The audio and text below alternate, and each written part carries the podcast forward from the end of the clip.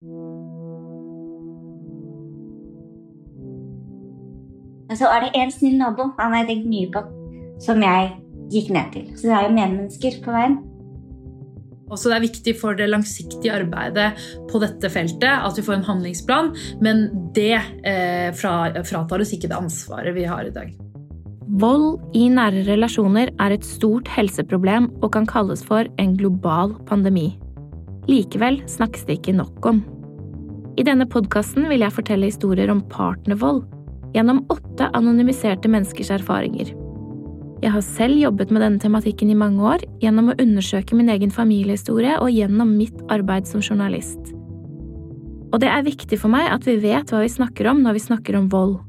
Hva som er vold, hvor vanlig volden er, hvor lenge den sitter i, og at det er mange der ute som vil hjelpe. Dette er en podkast om vold og overlevelse. Mitt navn er Madeleine Schultz. Jeg har lært veldig mye i arbeidet med denne serien, om hvordan volden setter spor i menneskers liv, men det aller viktigste jeg har lært, tror jeg likevel er det at det er mulig å gjøre noe med den. I denne siste episoden skal jeg prøve å finne ut av hva som kan gjøres med volden, og hvem som skal gjøre det. Både hva de utsatte selv kan gjøre, hva vi som familie, venner og naboer kan gjøre, men også hva samfunnet og politikken vår kan gjøre med den enorme utfordringen som vold i nære relasjoner er. En av dem som har lang erfaring med dette, er Vanja Sæther ved krisesenteret i Salten, som dere har møtt tidligere i denne podkasten. Denne våren kommer hun ut med en håndbok til voldsutsatte og pårørende. Den har hun skrevet sammen med advokat Gunhild Veusheia og erfaringskonsulent Ellen Roberg. Vi har alle erfaring med at voldsutsatte strever med å finne frem i hjelpeapparatet. Det er vanskelig å vite hvor man skal få hjelp, hvor kan man gå, hvem kan man stole på, hvilke råd skal man lytte til. Og dette er erfaring som vi har gjort oss over mange år. Og vi har egentlig også sjøl i våre hjelperoller savna et verktøy som, som, fungerer som en veiviser i et ganske sånn komplisert system. da. Boka er inndelt i kapitler med helt konkrete råd, og Vanja vil gjerne dele noen av tipsene med oss. Til de som lever i en destruktiv og kanskje også farlig situasjon, eh, og som vurderer å forlate en situasjon og komme seg ut og fri, så, så, er jo et typisk råd at man sørger for å sikre sine viktige dokumenter og gjenstander. Alt av pass og oppholdspapirer, vitnemål og viktige papirer, bank-ID og sånne ting, de må man sikre. Enten at man pakker de klar, eller at man oppbevarer de på et trygt sted. Eh, det kan f.eks. være på et krisesenter eller hos en advokat. I det øyeblikket man drar, eh, så bør man ringe til politiet, eventuelt til barnevernsvakta hvis man har barn, og fortelle at man har forlatt og også gjerne fortelle hvor man skal. Eh, man skal til en nabo, eller til familie, eller til et krisesenter. For Dermed så kommer du eh, litt sånn i forkant av at det kan bli komplisert når politi og barnevern kommer inn i bildet. Og så er det en del informasjon du bør formidle til dine hjelpere. Hvis det er sånn at du har kontakt med politiet eller med krisesenter, så skal du gjerne informere om hvordan bil kjører voldsutøver, eh, hvordan jobber han, hvor pleier han å oppholde seg. Eh, og så er det viktig dette med digitale verktøy, at man skrur av posisjonering og stedstjenester, eh, sånne ting på telefonen sin, sånn at man ikke kan oppspores. Dersom man er blitt skada, så bør man oppsøke lege, eller legevakt eller gjerne overgrepsmottak for å få dokumentert skadene. Og Da handler det ikke om at man er nødt til å ta stilling til om man skal anmelde saken, men det handler rett og slett om å få det dokumentert i forhold til at man da har en mulighet til å velge også i etterkant. Om man har behov for å søke erstatning, om man ønsker at voldsutøver skal straffeforfølges i forhold til forsikring osv. Og så er det jo dette med å ta vare på bevis. Å ta vare på bilder, på SMS, på chatter, på lapper på trusler man har mottatt. Eh, eh, og, og skriv gjerne ned i den grad man makter, da, for det er jo så mye som skjer. Eh, så ha i notatbok eller noter på telefonen viktige ting man kommer på. Og ja, det var jo den episoden i forrige uke, og jeg husker når jeg møtte han det første året, så skjedde sånn. Og så får man bare fortløpende skrive ned alt man husker, for det blir viktig dersom man ønsker å gå videre med denne saken. da. Det kan ofte være vanskelig å vite hva man skal gjøre dersom man er pårørende til en som er voldsutsatt. Det vet også Vanja mye om. Da å være pårørende til noen som lever under trusler og, og vold og krenkelser, er jo veldig veldig vanskelig. Fordi at man ofte blir så følelsesmessig berørt. Og det eneste man vil, er jo bare å beskytte og, og sørge for at vedkommende slipper fri. Men det er jo ikke alltid at det er i tråd med hva vedkommende sjøl ønsker, da, eller den trussel og voldsutsatte sjøl ønsker. Men det er likevel sånn at familie og pårørende kan, kan, bidra på mange måter, også i forhold til eh, dokumentasjon av hva som har skjedd. Det å ta notater, ta vare på meldinger, bilder, eh, og selvfølgelig også varsle politi dersom man er redd for at det skal eh, skje noe alvorlig. Man har jo en avvergingsplikt, og man har også en meldeplikt til barnevernet eh, dersom man, eh, dersom man tenker at barn er utsatt for eh, alvorlige hendelser. Da. Nå skal det sies at Den meldeplikten den gjelder jo ikke når man er privatperson, men da har man likevel en moralsk meldeplikt til barnevernet. Men alle offentlig ansatte har jo meldeplikt til barnevernet. Sånn at eh, Dersom man er hjelper eller pårørende, så bør man si ifra når man er bekymra, enten det er for barn eller voksne. Men som pårørende og som følelsesmessig tilknytta den som er utsatt for vold, så er det også viktig på en måte å være støttende og til stede og ta imot. Og man vil kanskje oppleve å bli skuffa mange ganger. Man vil oppleve at den som er trussel eller voldsutsatt, eh, tar valg som ikke er i tråd med hva vi tenker er bra. Og da, da, krever det ganske mye å være den nære pårørende som står der og, og tilbyr støtte og forståelse, og kanskje av og til ei trygg seng eller en varm klem. Eh, men det å være til stede er på en måte helt sånn overordna. I hjelpeapparatet prater man om det som heter sekundærtraumatisering. Når folk som skal hjelpe, opplever det som utfordrende å stå i følelsene til den som har det vondt. Likevel er det så innmari viktig at noen tåler å være den som tar imot. For vi lever i et samfunn i dag som er veldig opptatt av individet. I sosiale medier blir vi hele tiden oppfordra til å gjøre det som er best for oss selv, beskytte energien vår, skjerme oss fra andre. Og jeg tror at noen av disse forestillingene fritar oss for ansvar for andre mennesker rundt oss, og de kan være som gjødsel for de traumene og den skammen som mange bærer på. Det å velge å være den ene for noen, det kan utgjøre en viktig forskjell. Sånn var det også for Eva, som vi møtte i episode fire. Den ene gangen jeg var på krisesenter, var på, det var på 90-tallet. Eh, det var da jeg var sammen med han første. Han hadde en tendens til å Når man full, han var jo veldig stor og sterk, så til slutt avsluttet han med å kle meg av og så kaste meg ut i korridoren. Så jeg satt der i trusa. Men så er det en snill nabo han har jeg tenkt mye på som jeg gikk ned til. Han, en gang så tok jo han med meg til krisesenteret, men det var, det var ingenting som skjedde der. Overnatta, det var ikke noen samtale, ingenting. Så jeg fikk jo en ordning med han. Jeg pleide å komme ned til han da, når det blei sånn. Um, så det er jo medmennesker på veien. Selv om det er viktig at hver enkelt av oss gjør det vi kan for å hjelpe, så er det også noen større hull som må tettes, mener Vanja. Jo flere ganger man forlater sin voldsutøver og velger å returnere til han eller hun, jo vanskeligere blir det å dra på nytt, fordi det blir så skammelig at man gang på gang skal skuffe alle man har rundt seg. Og Da er det viktig å forstå at som pårørende, det å tilby en forståelse og øh, om ikke en aksept, så i hvert fall på en måte ja, eh, kunne, kunne, være til stede selv om man er skuffa, det er også med på å fjerne litt av den skammen som gjør det så vanskelig å dra fra voldsutøveren gang på gang på gang på gang. Det vi vet er at eh, det er helt vanlig i disse sakene at man må gjøre flere forsøk før man kommer seg helt fri. Og så er det jo vanskelig å komme ordentlig fri. For, skal man komme fri fra volden, så krever det at hjelpeapparatet gjør jobben sin. Og Det gjelder både Nav, og krisesenter, og politi og barnevern. Og det vet vi jo, at systemet i Norge ikke alltid fungerer til det beste for de voldsutsatte. Og På mange måter så kan nok systemet iblant være med på å legge stein til byrden og gjøre det vanskelig å forlate en voldsutøver. Også i politiet ser de disse hullene i systemet. Her er politioverbetjent Hanne Finnanger fra Stovner politistasjon igjen. Det er mange, fortsatt mange utfordringer, selv om utviklingen har vært veldig positiv de siste årene. Så vil jeg jo si kanskje at fortsatt så er noe av det som blir krevende i, for politiet, er er den generelle fenomenforståelsen. Altså hva, hva gjør, hvordan opererer denne volden i nær relasjon? Hva er det som er de kjente mekanismene? Det å vi savner en enda større kunnskap om dette på skoler, barnehager, i barnevern, i offentlige institusjoner, hos mannen i gata, egentlig. Eh, og ikke minst gjelder dette den voldsutsatte selv også, som, som fortsatt står for inntil oss eh, rundt halvparten av alle meldingene. Så det er fortsatt voldsutsatte selv som melder, sant? selv om vi har en avvergeplikt i Norge. Eh, men det å kunne istandsette den voldsutsatte til å se hva er det du står i? Eh, speile de på hvor alvorlig det er? Hvordan er det? Dette er ikke en privatsak, det er et offentlig anliggende i Norge.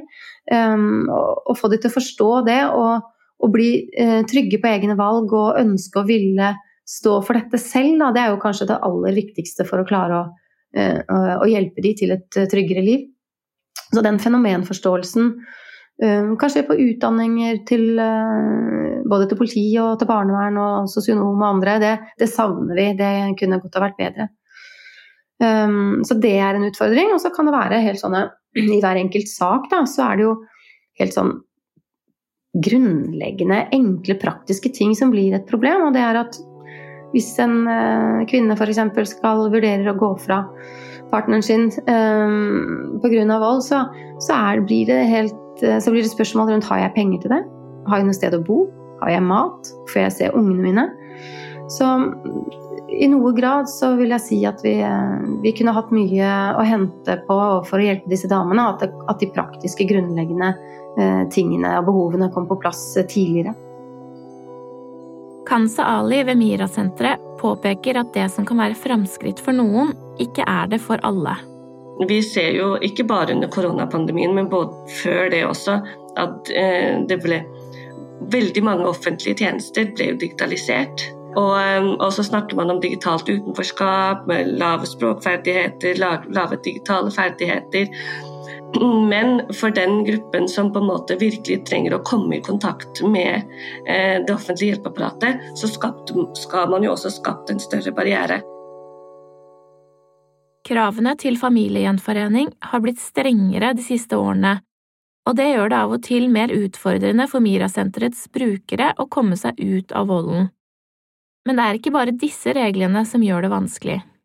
Det er veldig mange andre forskriftsendringer som har gjort det vanskeligere for eh, kvinner ikke bare å på en måte få opphold, men også få statsborgerskap. Og også um, eh, rettigheter i forhold til folketrygden. Du får, hvis du blir ufør og har vært i et voldelig forhold, så vil du bare kunne få et begrenset antall. Så vårt, vårt sted så er jo det på en måte å liksom se på det og se hvilke endringer man kan gjøre der for å, eh, for å gjøre det enklere for denne gruppen her. Og så tenker jeg også um, kompetanseheving i um, i hjelpeapparatet generelt, og også den samhandlingen. For veldig ofte når vi snakker med mange som jobber eh, både i voksenopplæring uh, og introduksjonsprogram og Nav, så har, de har på en måte ikke kunnskap nok om hvilke begrensede rettigheter de har.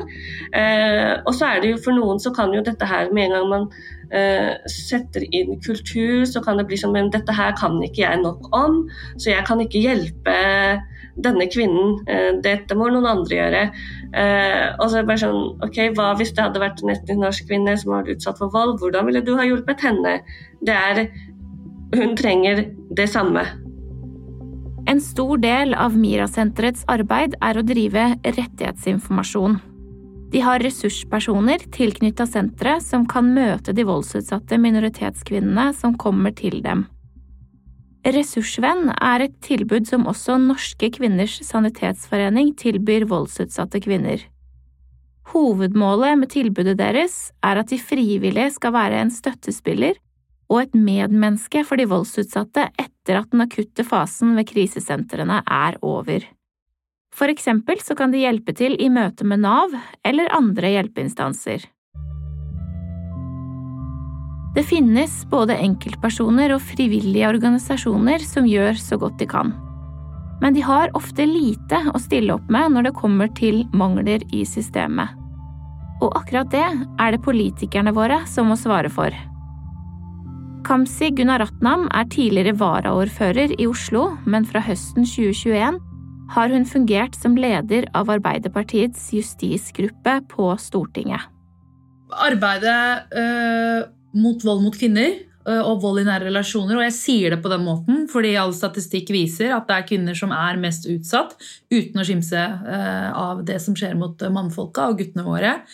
Er en prioritet på justisfeltet, men også på både helse- og utdanningsfeltet. Dette må vi jobbe med tverrsektorelt.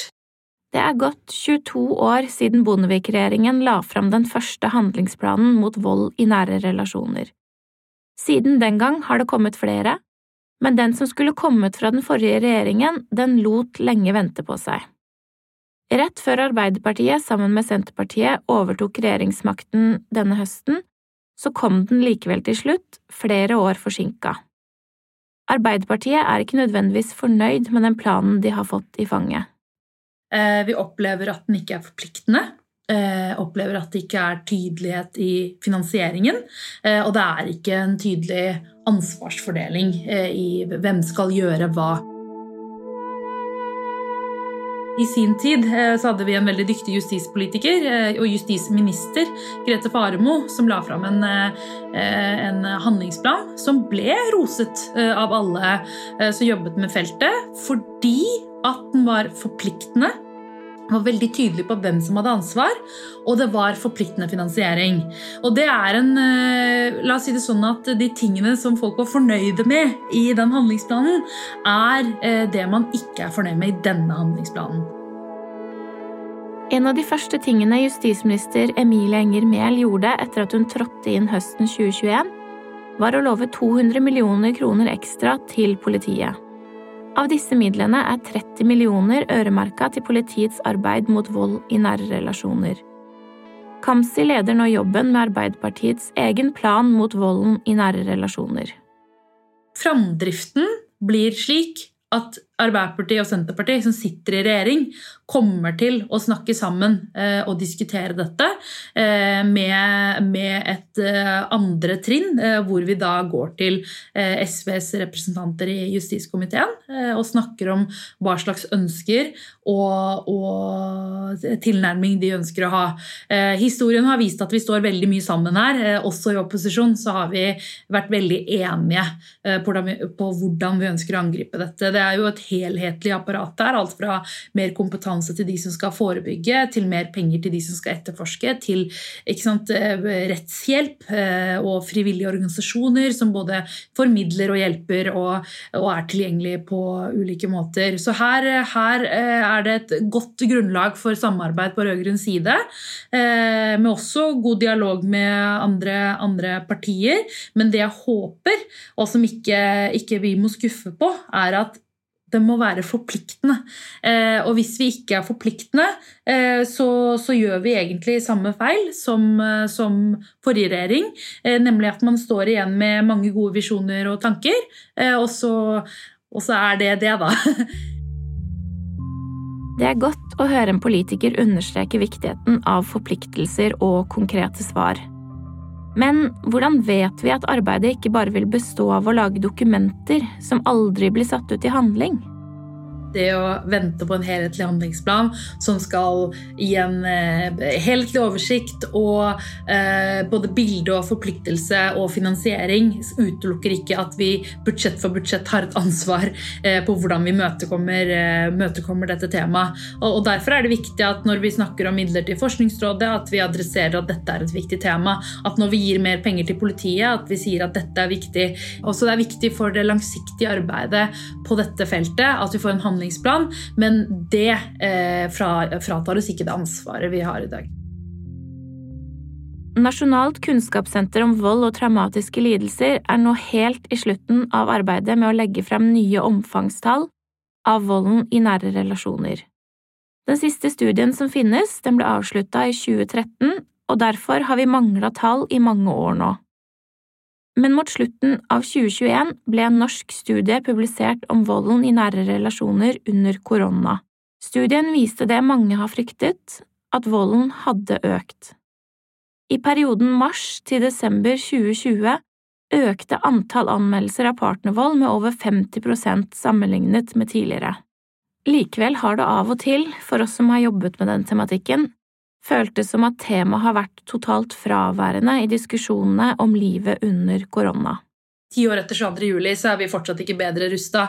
Eh, på samme måte så eh, merker jeg jo at eh, det er en del gjentagende diskusjoner i et samfunn som allerede er sosialt urettferdig. Så, så ser det nesten ut som alkohol er viktigere enn at barn er på skolen, selv om arbeidsplasser er viktig. Så det er noe med at vi evner å se ting i et perspektiv der vi sosialt utjevner, der vi utjevner forskjellene. og akkurat nå eh, så ser det ut som eh, aspektet både rundt vold eh, og psykisk vold, fysisk vold og barn som blir utsatt for grove overgrep, det har latt seg vanskeligere komme fram, nettopp fordi viktigste budskap i pandemien har vært 'hold deg hjemme'. Så jeg tenker beredskapsplaner for krisesentre, f.eks., som også bl.a. står i den handlingsplanen, det er den veien vi må gå. Og der mener jeg at Vi kan ikke bare si at krisesenteret skal komme i en beredskapsplan. Der må også staten stille opp med virkemidler for at de skal gjøre det på en best mulig, eh, best mulig måte. Så her tror jeg liksom at vi alle må bare anerkjenne at vi har lært, eh, selv om vi har visst at det vil være mørketall, fordi folk er hjemme og du kan ikke dra noe sted, liksom. Men at vi har lært at vi som politiske ledere også må tenke litt på kommunikasjonen vår. Eh, og det gjorde vi ikke når de unge gutta sto på, sto på idrettsbanen fordi det var veldig trangt hjemme. Eh, og det gjorde vi heller ikke når vi sa 'hold deg hjemme uansett', eh, med tanke på de eh, kvinnene og mannfolka som er hjemme i både psykisk og fysisk vold.